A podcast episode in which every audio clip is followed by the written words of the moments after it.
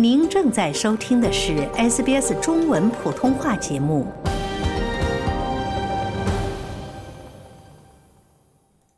听众朋友们，大家好，您正在收听的是 SBS 普通话我们的故事栏目，我是 Lauren 陈龙。居住在维州 Shepparton 的华人小伙张卓伦是维州救护服务为数不多的多元文化背景救护人员之一。对他来说，这份常人看来或许又苦又累的工作，他却每天都高高兴兴的上班，十分享受工作的每一天。他表示，工作中每一天每一个案例都不一样，上一秒还在给人做心理辅导，下一秒接到电话便要去帮助一位即将分娩的孕妇。当一名救护人员是什么样的体验呢？如何成为一名救护人员？多元文化背景的从业者会面临什么样的特殊挑战？一起来听一听 Julian 的故事。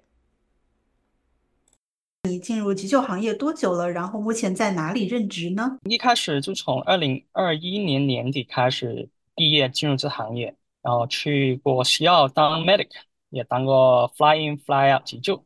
说起真的当。三个零编制的急救，公立急救的话，可能在二零二二的年底，那时候去了新州那边当三个零急救，也同时进修了别方面的学历。然后我现在目前在维多利亚偏远地区当三个零急救。那我还其实挺好奇的，你的团队里面多元文化背景的同事多吗？然后你是唯一一个华人吗？啊，我不是唯一一个华人，但是在偏远地区的话，我们的。多文化的的急救不算很多，尤其在这个行业里，我们可以说大多数都是 local 本地人，啊，很少我们多元化的人。但是希望最近纳入更多的留学生或者多文化的参加我们的急救团体。尤其我们面临的不单于只有本地 local，也会有别的啊文化或者别的啊国家的人，就其他背景的病人。对对对。嗯，但是为什么像你刚才说的多元文化背景的这些急救人员会稍微少一点呢？其中一个原因，我觉得是语言沟通吧。啊，可能在跟病人交流的时候都会有点语言障碍。第二呢，这个专业或者这个职业很考验我们的跟病人的交流。啊，还有可能这个职业比较冷门，很多华人或者很多多文化不了解这个行业，尤其在很多国家急救。不是很被重视一个医护行业，所以，但是到澳洲之后，我就看到原来急救也算一个很前线的医护职业。嗯，那我们还是先聊一聊你这个工作经验本身吧。用一种知乎体的方式啊，在澳洲从事急救工作是一种什么样的体验呢？嗯，我觉得在澳洲当急救的话，嗯，需要学的东西蛮多的。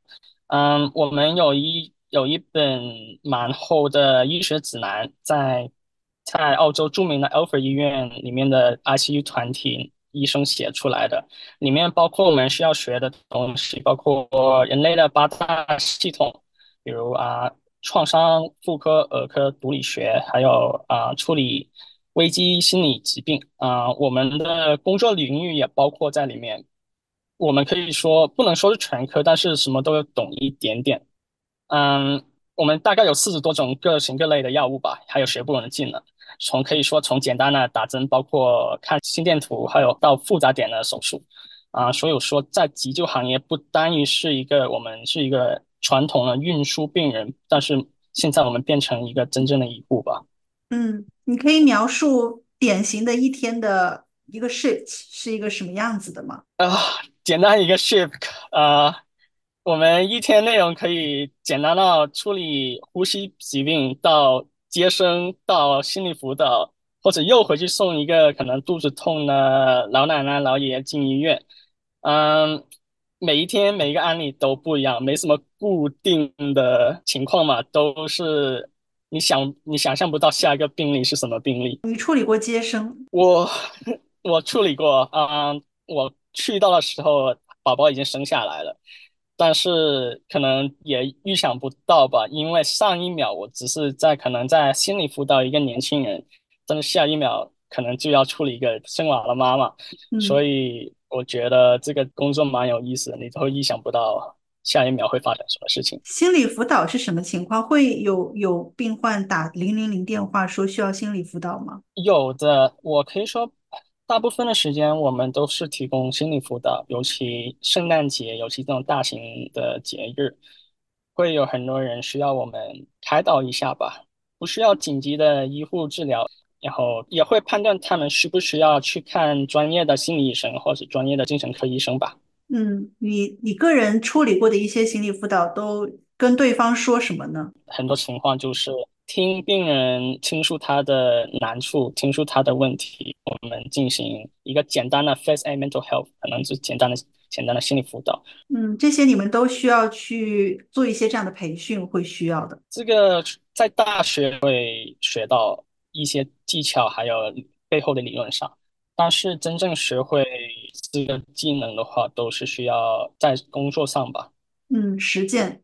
那其实像我们听到的一些急救方面的一些，就普通民众可能会觉得，嗯，都是处理一些物理上的、身体上的一些疾病或者创伤，但其实并不是的。真的就是大部分时间都是在做一些心理上的辅导吗？在我的个人经验里，在我。我这边的话是很多情况都是需要某种的心理辅导，嗯，对方可能会需要一些安慰，可以这样说。然后我觉得，个人觉得很多紧急或者很多病状都是跟心理情况有相关的，所以我们不但要处理身体上的急救处理，而我们还要提供一下心理的辅导，让病人体验到更好的医疗方式吧。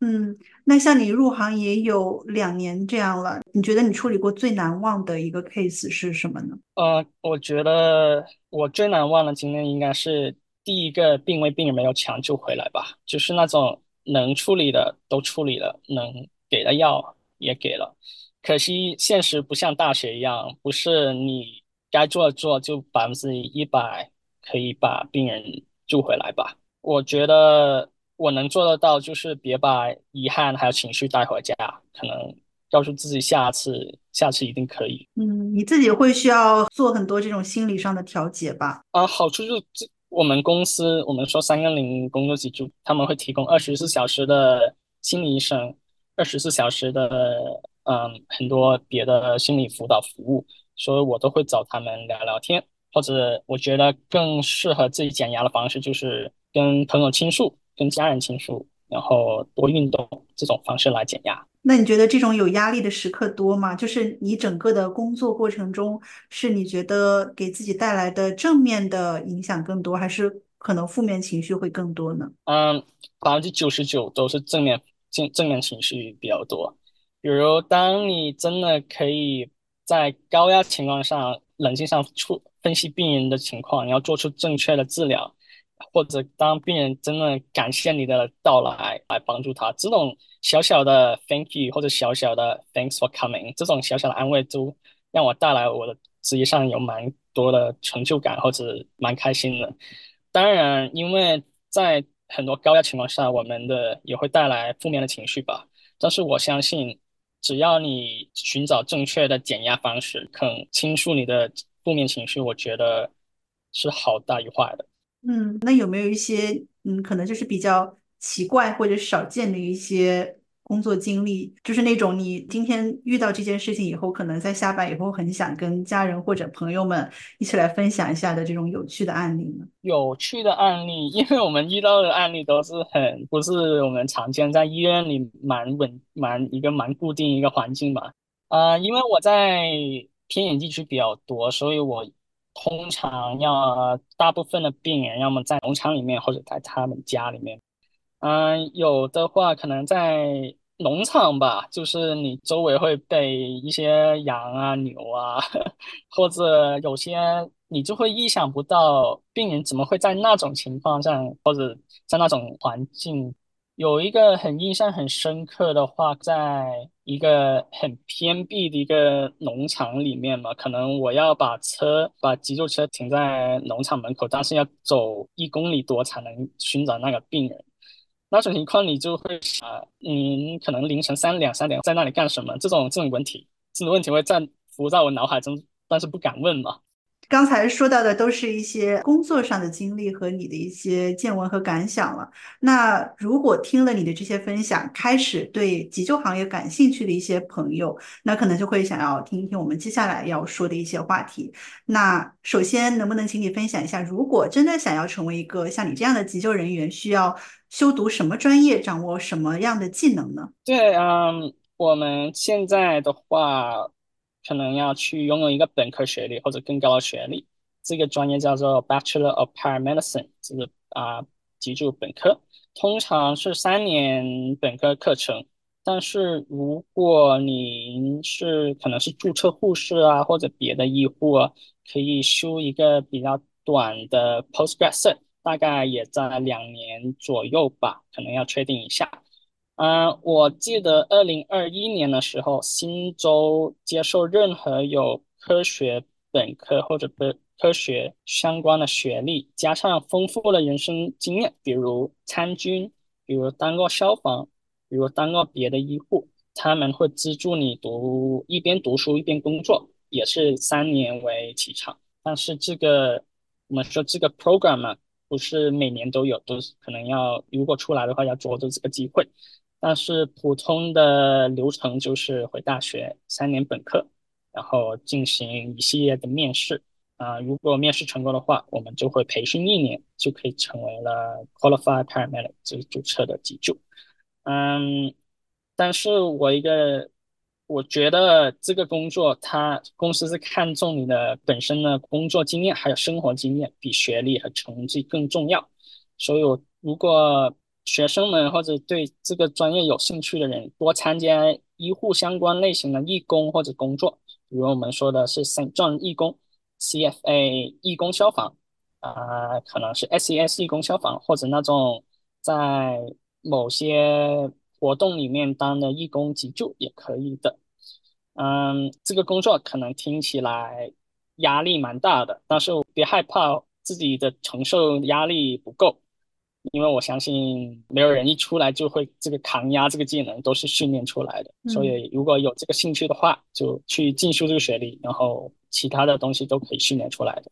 嗯，那你之前有提到哈，你当过在西澳当过 fly in fly out 的急救人员，目前也是在政府的急救部门工作，经验也是非常丰富了。你有没有一些求职的？小 tips 可以分享给感兴趣的朋友们呢。我觉得一开始没毕业时候，我强烈推荐去 St. John 那里当那种啊义工的 first aid 或者 first responder 啊，那里不单你可以学到如何跟病人交流技能吧，也可以让你啊有丰富的 first aid 经验。尤其没有接触过那种可能看到血啊或者受伤的情况下，我觉得去新庄那里当一下义工也是蛮不错的经验。然后或者去参加啊我们说的 CFA 义工消防那边，也可以培训一下你的手动能力啊或者那种抗压能力也是不错的。嗯，那做义工啊，然后在私营公司工作和在公共部门工作，你感觉他们区别大吗？嗯，我觉得区别蛮大的。在私立当急救的话，我们通常说为要么是您是当啊 non-emergency patient transport，就是那种可能医院已经约定好了把病人稳定好，您您就需要把这位病人运输到另外一个医院或者运输回家。这种情况的话，很多时候是非病危或者非紧急的。但是直到我到了三个零里面，很多时候都是会出现某种方面的呃问题，才需要打三个零叫我们出勤去处理。但是在我私立的时候，大部分的病人都是你可以预判到会发生什么事情。嗯，所以就是在零零零的紧急状况比较多，那压力应该也会比较大一些。对，当你搭入了三个零之后。很多情况你需要多灵活一点，然后您的工作压力可能比较大一点。嗯，那你觉得从修读急救相关的这个专业到你现在最终进入了我们政府的零零零，它这个整个的过程当中，对你来说最难、最具挑战性的环节是哪一个呢？最挑战性的应该是当您面试都通过，你需要等待职位。开放的那一天吧，那个过程可以可以说是可能明天就叫你去上班，或者十一、十二个月才叫你去上班，因为他们都是按照 operational demand 吧，就说什么时候缺位才叫你去入职吧，就是那个等待时间会比较焦虑，所以我推荐在那在那等待时间多参与义工，多参与别的相关的医护的工作，来继续自我进修或者自我学历进修。嗯，所以你在等待这个职位的过程中，你是个人等待了有八九个月这么久吗？呃，面试后我个人等待了八个月，嗯，但是我认识的人可能他投了那一区，可能明天就上班了，或者后天就或者下个礼拜上班，有些可能等待时间也比我久一点，这这是不一个不固定的。等待时间，那你自己个人在等待的过程中都做了一些什么呢？等待的过程中，我去当私人急救，去当 flying fly out，或者自我更新一下自己的学历还有技能。那目前你对自己在职业规划方面有什么想法吗？有的，嗯，我觉得曾经有人对我说过一句话，就是当我分享我的急救故事，我的态度还有我眼神都在发光，就能感觉到我对这份工作的热情吧。所以我这句话我一直都记住。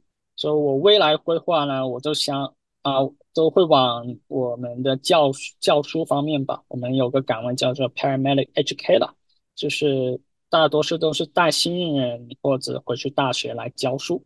因为我一直都很喜欢给别人分享我的个人经历。嗯，说到分享，那你最最想要分享给后辈或者说感兴趣入行的朋友们的一点是什么呢？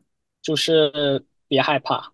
作为英语不是母语的背景的人，也会担心我们我们的语言语言交流能力会不会有有遇到一点障碍。但是我我相信这种东西不用害怕，都会都可以训练出来。如果你想去有这个热情，有这个热爱去的话，放心的去去进修，放心的去冲。做一个急救人员，让你觉得最受益的地方是什么呢？嗯，之前有个前辈跟我说。我们不是拯救一个病人，而是一个家庭，是别人的爱人，是别人的亲人，是别人的孩子或者父母。这句话让我很心动，就是我觉得我这个份工作很有成就感。当然，我我们不是说那种很大型的，你把一个人给抢救回来，只是那种小小的、小小的 talk 或者嗯小小的心理咨询那种，病人简单一句感谢你的到来，我觉得对我来说一个很有满足感，很有。成就感很幸福。嗯，你的家人是从始至终都支持你做这一行的吗？一开始他们都是想让我当商科或者别的办公室类型的吧，因为第一这个工作也有某程度的危险吧，然后第二他们也不想我这么辛苦，每天上夜班上早班。但是当他们了解到这是我的热爱，还有我的。热情吧，他们会慢慢接受。原来看到他他们自己的孩子这么热爱一份工作，也是蛮开心的一个心情。你有什么觉得还想要再分享或者补充的吗？我可能有一个 message 给大家吧。我相信在每个人之中都会吐槽过，为什么急诊要等这么久，或者为什么零零要等这么久才会来。我相信每个人在某个阶段都会经历过这个事情。